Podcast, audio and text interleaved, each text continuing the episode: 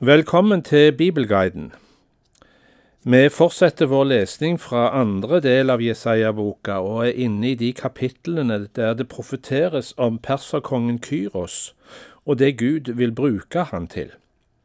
Vi er midt inne i et skifte i verdenshistorien. Det mektige Babel er en fallende kjempe, og det nye verdensriket, perserne, kommer inn på verdensscenen. Det er kong Kyros som brått vil rive Babels konge ned fra hans trone. I disse kapitlene framstilles Kyros som Guds utvalgte redskap, som han vil bruke for å utfri Israel fra fangenskap og sørge for at Jerusalem og tempelet bygges opp igjen. Den utfrielsen og frelse fra det babylonske fangenskap som vi leser om her, bærer òg i seg en profeti om Guds store frelsesverk i Jesus Kristus. Gud brukte disse hendelsene og erfaringene i israelsfolkets liv til å forkynne sin frelse og store framtidshåp til folket da. Men det er òg et budskap til oss i dag. I disse tekstene finnes store og gode ord om frelsen, som frelserkongen Guds Messias skal bringe til hele verden.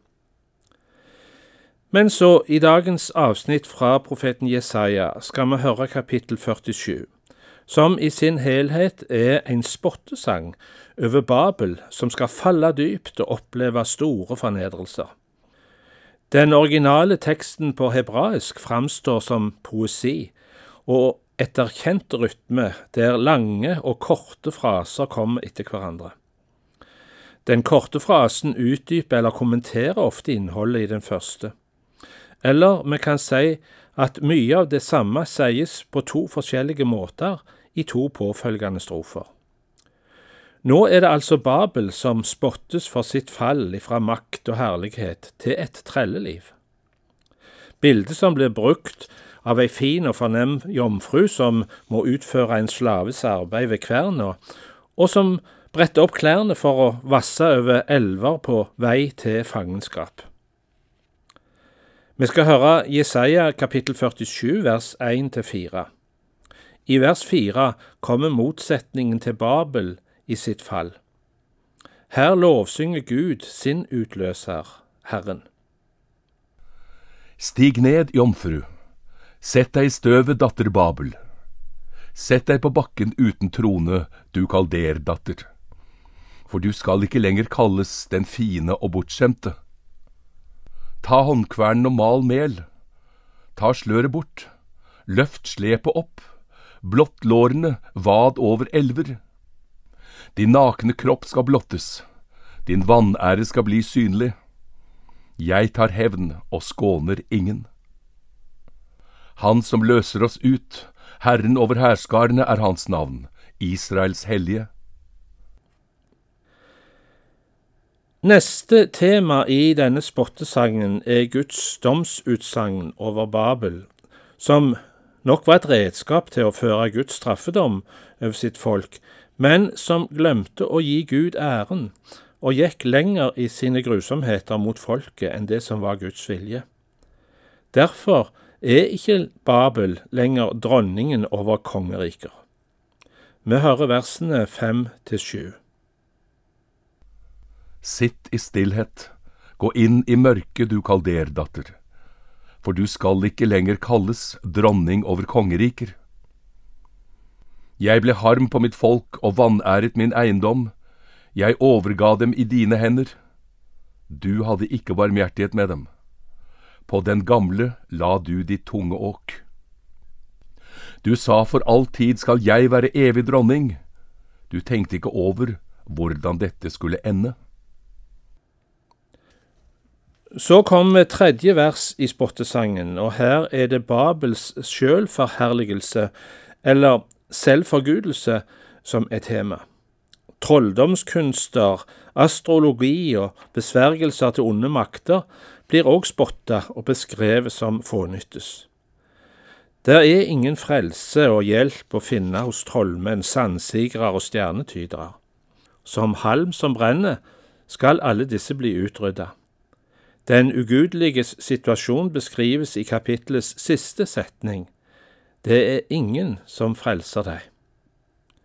Verken militærmakt, såkalt vitenskap, rikdom eller overtro kan redde et land som er under Guds fordømmelse.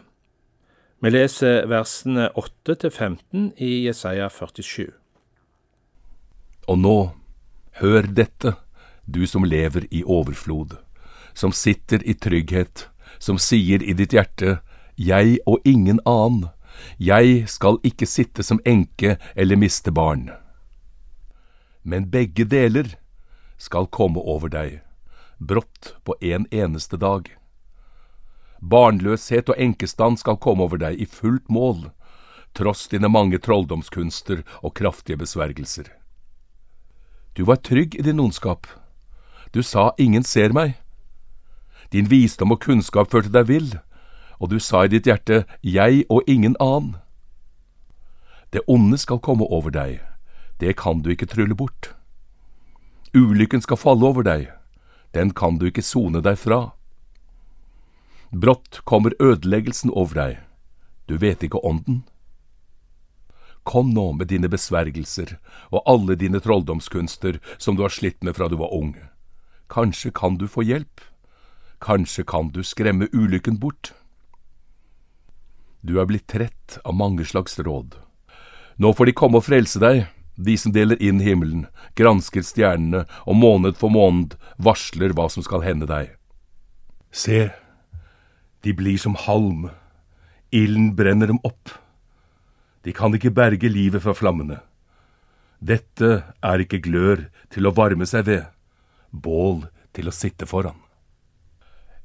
Slik går det med trollmennene som du har slitt for fra du var ung. De vingler, hver til sin kant, det er ingen som frelser deg. Vi har hørt lest en spottesang over Babylon, og Babylon står i vår bibel ofte som et eksempel på avgudsdyrkelse, ondskap og hovmod. Det dette avsnittet lærer oss om Guds faste og urokkelige plan, er at en dag skal det bli et endelig oppgjør med denne ondskapen, og den skal stoppes for alltid. Takk for følget i dagens utgave av Bibelguiden, og velkommen tilbake.